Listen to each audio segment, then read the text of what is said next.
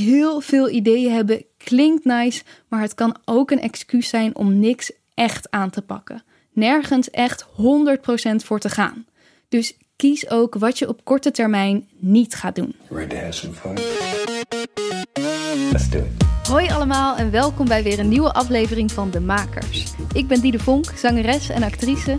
En sinds ik ook zelfstandig muziek en theater ben gaan maken, merkte ik net als veel van mijn collega-makers dat ik tegen een aantal dingen aanliep.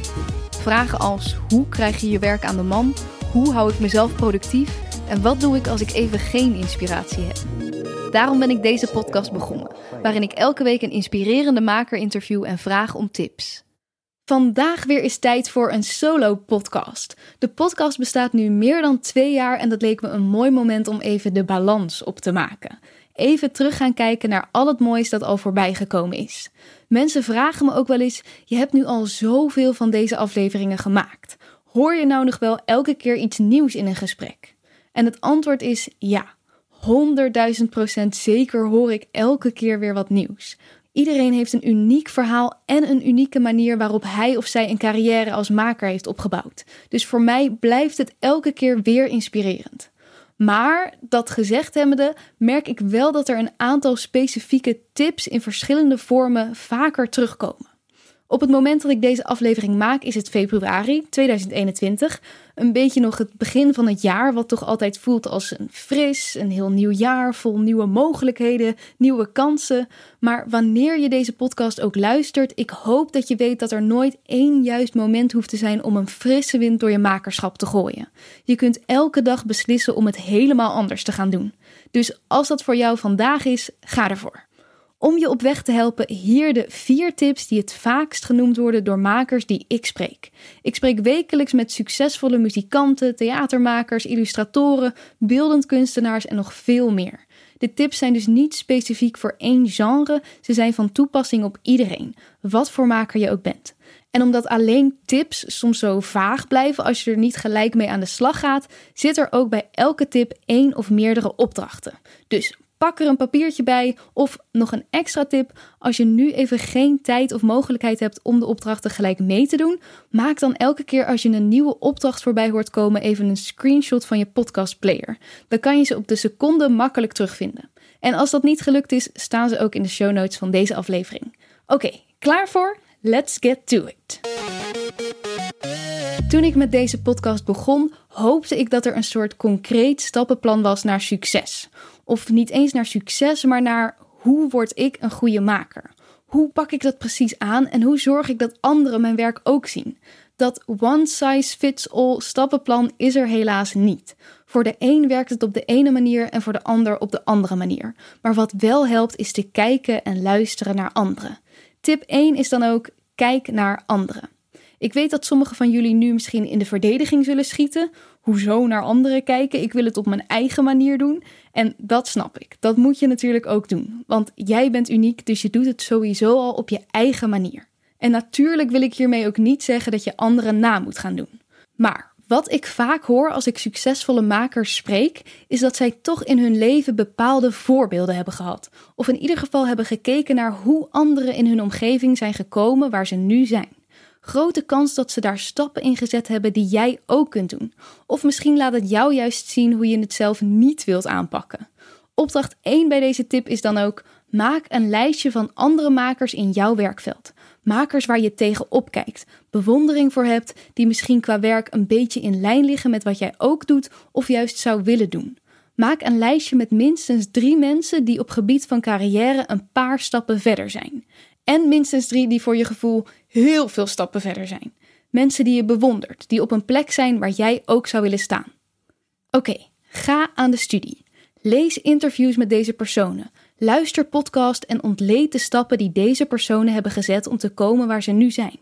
Welke van deze stappen heb jij ook al gemaakt en welke nog niet? Misschien deden deze personen wel mee aan bepaalde wedstrijden. Begonnen ze met het delen van hun werk op sociale media? Of zijn er andere duidelijke sleutelmomenten in hun carrière? Schrijf per persoon minstens vijf duidelijke stappen op. Natuurlijk is niet elke stap zichtbaar. En ook vaak is het een combinatie van hard werk en geluk. Er is ook niet altijd een vinger op te leggen waarom de ene persoon wel succesvol is en de andere niet. maar toch zal het je verbazen hoeveel dingen ook wel te sturen zijn. En op deze manier ga je steeds meer patronen herkennen, die je vervolgens zelf kunt toepassen. Oké, je hebt nu een idee van verschillende mogelijkheden om een creatieve carrière op te bouwen. Nu gaan we kijken naar overeenkomsten en verschillen in het werk dat deze persoon maakt vergeleken met jouw werk. Waarin lijk je op elkaar en waarin niet? Wat doet deze persoon niet wat jij wel doet? Maak een tabelletje met aan de ene kant overeenkomsten en aan de andere kant verschillen. Waarom doen we dit, denk je misschien? Door jezelf met andere makers te vergelijken, leer je steeds beter wat jou als maker juist onderscheidt. En je leert wat jouw genre is. En als je weet wat jouw genre is, weet je ook waar jouw fans kunnen zitten. Fans klinkt misschien een beetje overdreven, maar als maker heb je nu eenmaal mensen nodig die waarde halen uit jouw werk.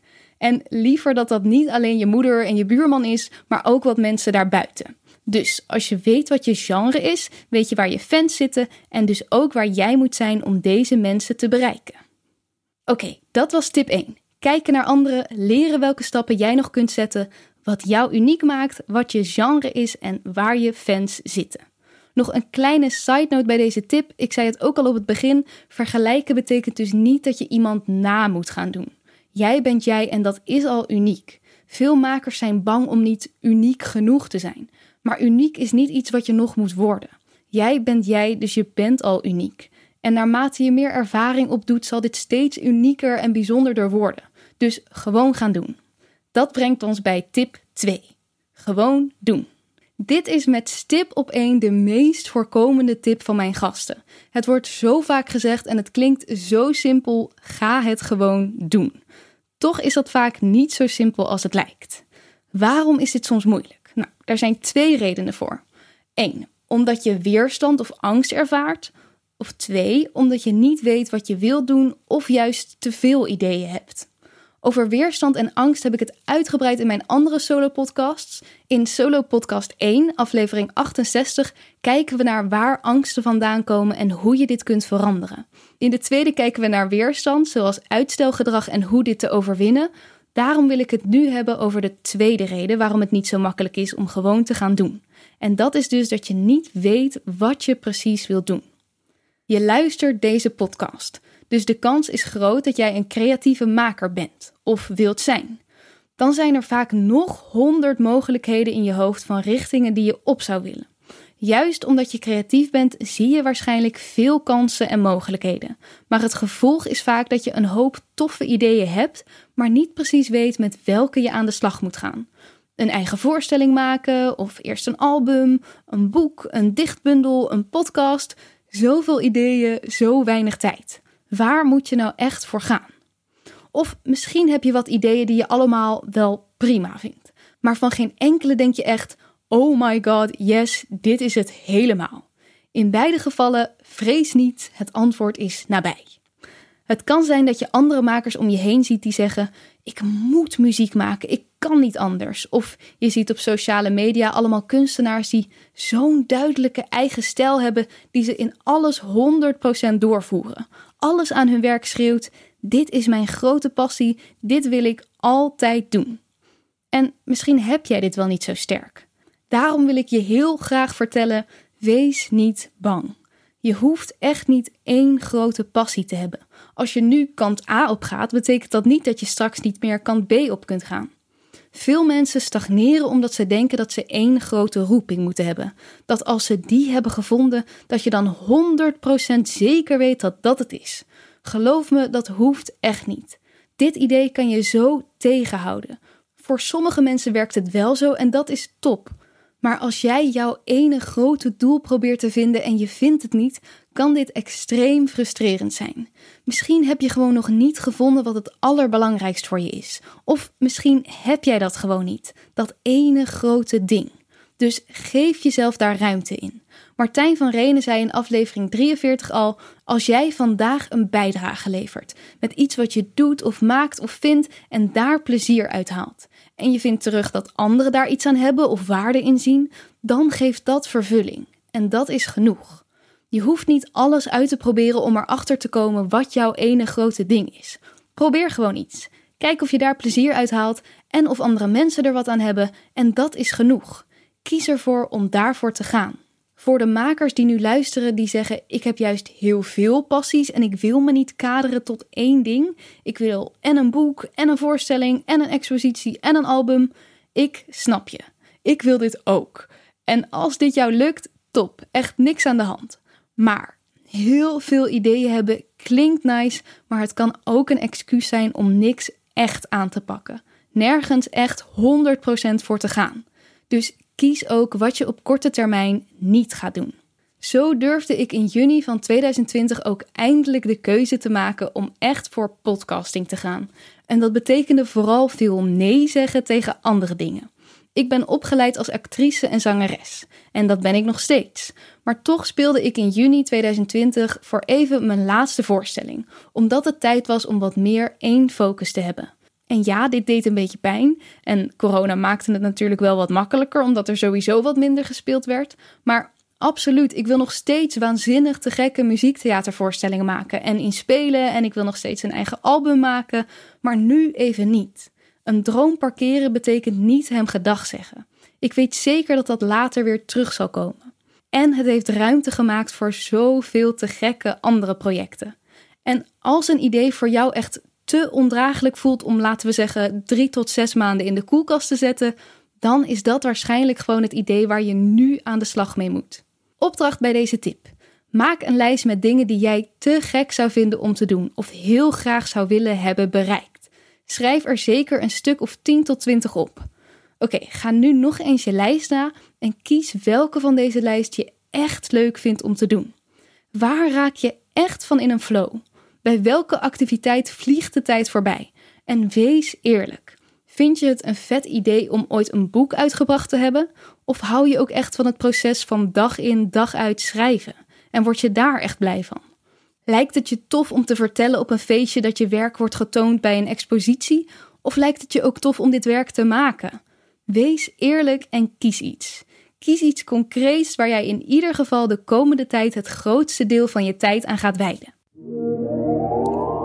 Ja, lieve luisteraars, even een kleine mededeling tussendoor dat je deze podcast kunt steunen.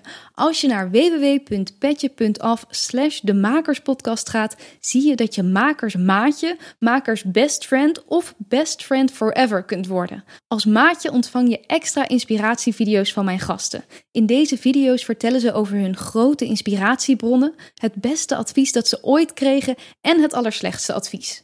Als best friend kun je input leveren voor gasten die jij graag wilt horen en kan je jouw vragen via voice memo insturen zodat deze in de podcast te horen zijn en jij je vraag dus aan de aankomende gasten kunt stellen.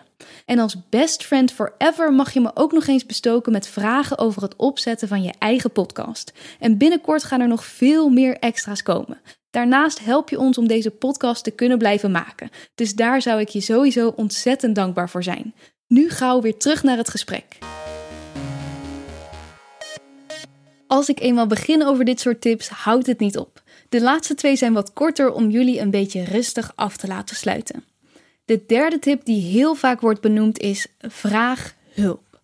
Heel veel van ons hebben een diep geworteld gevoel dat je alles alleen moet doen. Dat jouw werk jouw verantwoordelijkheid is en dat jij alles zelf moet dragen. Dat is een hele hardnekkige gedachte die ik zelf maar al te vaak heb. Hoe vaak ik denk: Anderen hebben toch al hun eigen zorgen of hebben echt geen tijd om jou te helpen. Maar dit is dus echt niet zo. Het is bewezen dat mensen het gelukkigste worden van het helpen van andere mensen. Dus ook van jou. Aafke Romein vertelde in aflevering 13 dat ze een groot deel van haar carrière te danken heeft aan koffietjes met mensen gaan drinken. Als zij iemand ontdekte met een tof platenlabel of iemand die dingen deed die haar interesseerden, stuurde ze deze persoon gewoon een bericht met de vraag om eens kennis te maken. Kennismaken vind ik sowieso echt een goede term om te gebruiken. Als je gelijk zegt: Oh, ik zou je zo graag eens willen ontmoeten of heel graag van je willen leren, dan creëer je gelijk een statusverschil. Bij kennismaken ga je uit van een gelijkwaardige relatie. Dat het voor die ander dus ook hartstikke leuk is om met jou kennis te maken. En dat is het natuurlijk ook. Maar er zijn zoveel meer manieren om om hulp te vragen.